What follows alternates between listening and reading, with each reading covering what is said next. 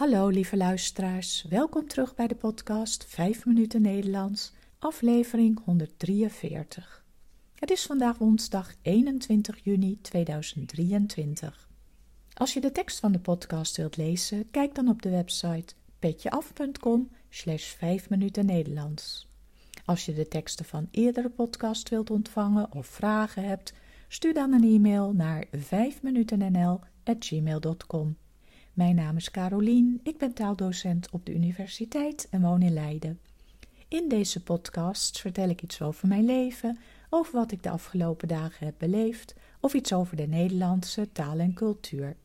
Aflevering 143 De rijdende rechter.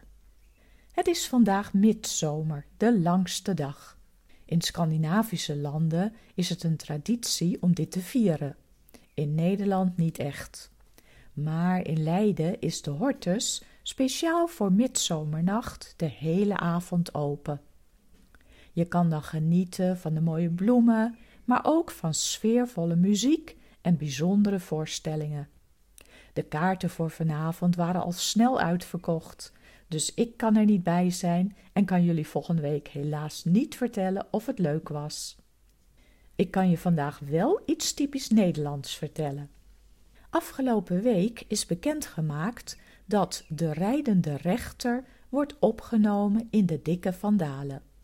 Vandalen is het bekendste woordenboek van de Nederlandse taal. Het woordenboek wordt ook wel grote vandalen of dikke vandalen genoemd, omdat de geprinte versie erg dik is. Het woordenboek bestaat uit drie delen en samen zijn ze meer dan 20 centimeter dik. Ik heb een editie van enkele jaren geleden in de kast staan, maar tegenwoordig is het natuurlijk handiger om de digitale versie te gebruiken. Een woord of uitdrukking wordt opgenomen in het woordenboek als het al enige tijd bestaat en door een grote groep mensen gebruikt wordt. Soms kan het een paar jaar duren voor een woord zo vaak gebruikt wordt dat het in de dikke vandalen wordt opgenomen. Maar soms kan het ook erg snel gaan. Zo werden in coronatijd woorden als COVID, superverspreider en anderhalve meter samenleving snel opgenomen. En nu is dus de uitdrukking de rijdende rechter opgenomen. Heb je hier wel eens van gehoord? De naam komt van een televisieprogramma dat al sinds 1995 op de Nederlandse tv wordt uitgezonden. In het programma kunnen mensen hun ruzies voorleggen aan een rechter die er dan een uitspraak over doet. Het gaat vaak om kleine burenruzies, over bijvoorbeeld geluidsoverlast of de hoogte van een heg, of familieruzies over wie een schilderij mag hebben. Beide partijen moeten van tevoren aangeven dat ze zich aan de uitspraak van deze rijdende rechter zullen houden.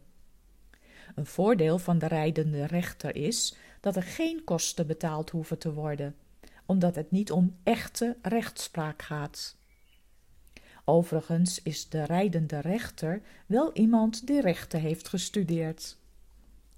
Het programma verloopt altijd hetzelfde. De rijdende rechter brengt per auto een bezoek aan de locatie om de zaak ter plekke te bekijken. Daarna volgt een hoorzitting in een wijkcentrum of buurthuis.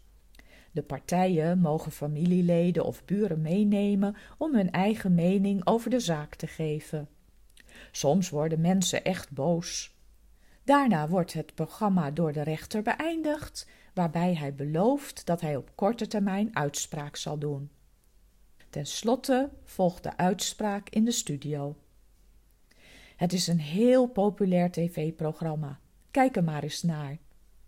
En nu is de term de rijdende rechter dus opgenomen in het woordenboek.